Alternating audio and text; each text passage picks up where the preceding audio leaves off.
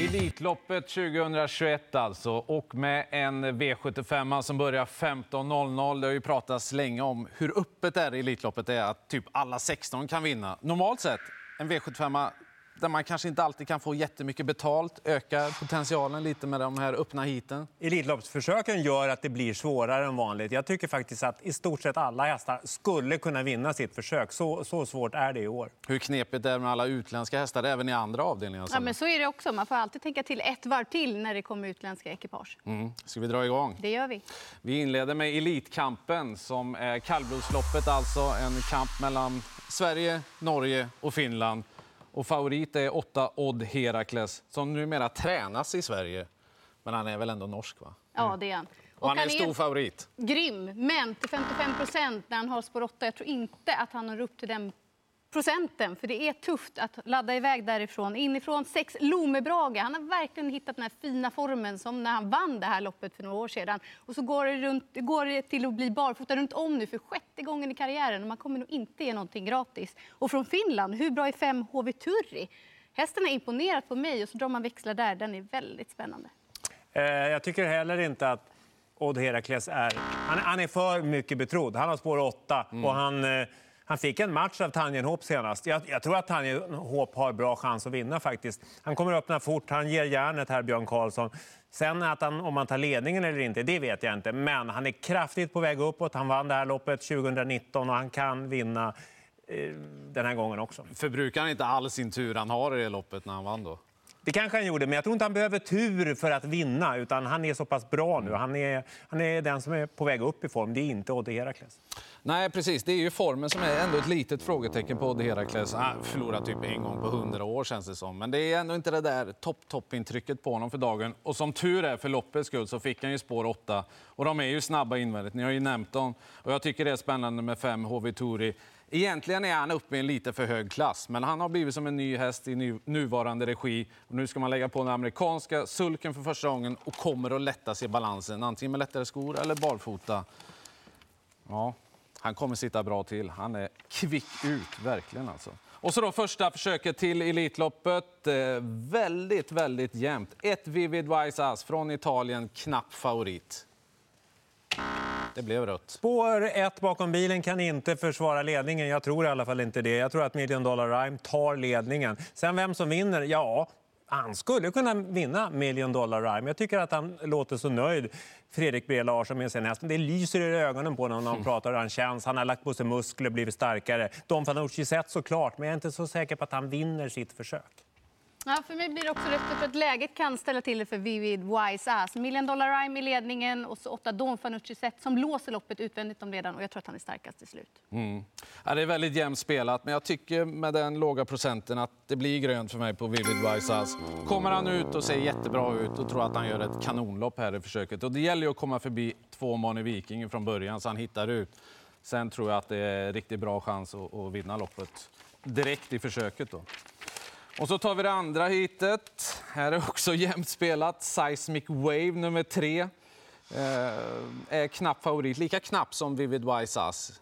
Mm. Rött eller grönt på den då? Ja, det här känns mer öppet och det blir rött på Seismic Wave. Kollar man de sex senaste åren, de 12 försöken, så mm. 11 av slutsegrarna då vunnit från ledningen eller positionen utvändigt. Det var bara Earl Simon som satt andra par ut. Jag tror att Heavy Sound sitter i ledningen och de andra kanske tänker att honom behöver vi inte köra mot och då är det han som rinner undan. Jag säger bara pass upp på Heavy Sound. Statistikvinnaren. Ja. Kan vara så. Mm. Alltså, Seismic Wave, jag tycker rött på honom. Inte för att han är dålig på något sätt. Han är fruktansvärt bra. Han kommer förmodligen gå till final. Det är en bra chans att han gör det. Men jag, jag håller ganska mycket på Ekerydé ändå. Att han, han skulle kunna slå alla med häpnad imorgon och bara blåsa till dem och vinna. Jag vet inte exakt hur, men, men eh, att det inte pratas om honom, det är märkligt. Mm.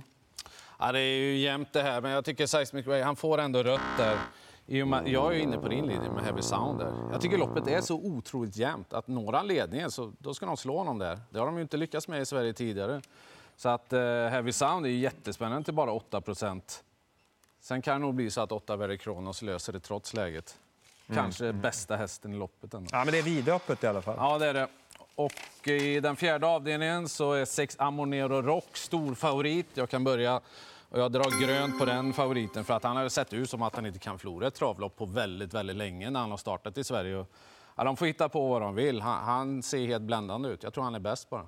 Mm, jag instämmer på det tåget. Mikael Fors har eh, kört bra hästar. ska sägas. Han sa att det här var en tänkbar, jag vet inte vad, kändes det som. Nästan som Elitloppet här, Here We Come. För att, mm. Han sa att det var den bästa hästen han har kört och hästen har sett lysande ut. Andreas Lövdahl, jag tycker det är tryggt att luta mig åt honom i det här loppet. Är vi för snälla mot favoriten, Micke? Ja, jag, också, jag har ju letat och letat och tänkt det, det är en hund begraven här någonstans. Han kan inte vara så här klar. Ja. Och letat efter motbud och gått igenom varenda en häst. Men hur jag än gör så kommer jag fram till att han är ju 20-30 meter bättre än de andra, Amor Hur ska han kunna förlora? Det måste ju hända någonting. Han får underprestera. Ja, det är väl det i sådana fall, att han är mm. sjuk.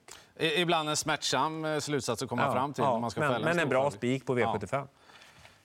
Bra så då kring den fjärde avdelningen. När vi går fram till den femte då är det fyraåringseliten för Ston, 50 Cent Piece. Hon vann ju drottningens pokal senast. Nu ska hon ut på kort distans. Det är snabba hästar invändigt, men hon blir ändå väldigt klar favorit. Ja, jag kan börja såklart att hon har en, hon har en vettig vinstchans, men 50 procent är väldigt mycket. Och det är inte några dåliga hästar som hon ska slå. Jag gillar ju Balsamine Font. Hon är helt enormt snabb. Däremot ingen startsnabb. Jag har ju letat efter något lopp där, där hon kan öppna, men det verkar inte som att hon har det i sig. Du hittar nu, inget halmstrå? Nej, han ska ju rycka skorna nu då. Jag vet ja. inte. Om de blir startsnabba, jag, jag, vet inte. Men om hon sitter i rygg på 50 cent piece, då i sådana fall eh, mm. är det ju spännande. Ja. Har du något emot favoriten? Eh, ja, att procenten är alldeles för hög. Mm. För Det finns lite svar invändigt om tre Sayonara tar hand om ledningen. Jag är inne på Mickes linje där också om Balsamine Font. Alltså, hon är en flygmaskin. Mm. Så hittar bara Björn Goop de rätta positionerna så är hon given till slut. Och sen 10 Beautiful Colibri om man letar skräll. Har bra startrygg i två Marion Font Bonn och eh, ja, den där trivs på 1000 metersbanan. Mm. Jag är ju så att jag trycker rött på 50 cent piece.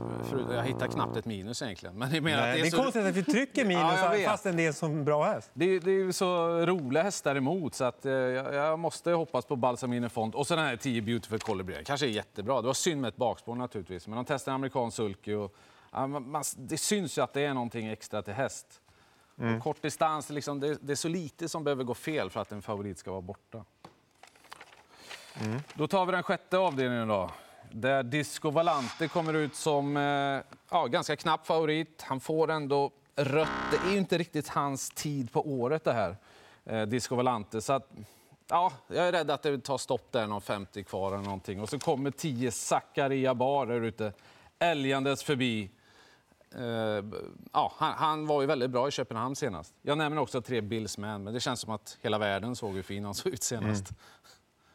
Vad tänker ni om favoriten då, till att börja med? Det blir rätt. Som Stefan Melander sa, fanns inga ursäkter till senast att han var lite sämre. Utan det är ju som du var inne på, formen brukar han tappa den här årstiden. Ett svårt, öppet lopp. Det kan gå hur som helst. 10 Zakaria Bar, också given med tempo. Och sen ett Night Brodde som ska gå barfota runt om för första gången. Jag tycker att det är väldigt spännande. Mm. Från ja. innespår.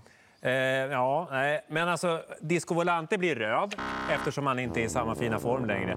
Eh, du sa Zakaria Bar, absolut. Jättebra i Copenhagen Cup. Ju. Åtta Digne Droit var ju också hur fin som helst. Slog ju Cockstyle. Slog Cockstyle som vann Elitloppet förra året. Så att, eh, sen så låter det bra på Valli och Kaja Hindö. Jag har ingen riktig superkoll på hästen, men de är, det är väldigt bra rapporter från stallet där. Och det är ju mycket sånt man får gå på också, ja. en Elitloppshelg. Ja, det är ett vidöppet lopp i alla fall. Ta många. När vi har fyraåringseliten kvar, då, den sista avdelningen, där eh, Daniel Redén har en ny supermär på gång då, i fyra Sister Sledge, som det låter och ser ut. Hon kommer med två raka segrar här i Sverige och nu ska hon möta grabbarna i fyrhjulingseliten. Mm, hon har mött, mött, grabbarna tidigare i hård konkurrens, så det här är grönt. Jag tycker att hon är en väldigt bra spik. Hon är ruskigt effektiv från start, explosiv, tar hand om ledningen. Den här gången tror jag man testar i den positionen. Mm. Senast så spurtade hon hem vinst och då gick hon under 0,4 sista två, så fartfylld är hon verkligen. Gillar du syrran, Micke? Jag gillar henne jättemycket. Och jag... Hur mycket spelad var hon? Hon var... var det 38? nästan 40, eller? Mm. 38. Ja, alltså jag, jag, tycker väl ändå rött med tanke på att jag tycker att det finns ju några som skulle kunna ge henne... Rome Pays Off, absolut. Åkte dit senast, men eh, ja, inte så mycket sämre häst. 10 Beppe Bi den här italienska hästen. Det är ju, verkar vara någon slags monster. Jag är rädd för, rädd för de här Gocciadoro-hästarna. Rätt vad det är så är de ju mm. otroligt bra.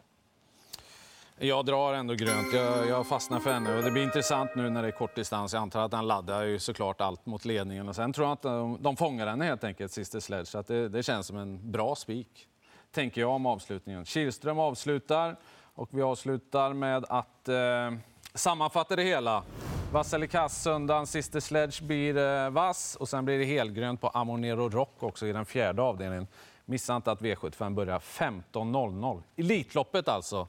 Heaten, eh, de bägge utgör V75-kupongen.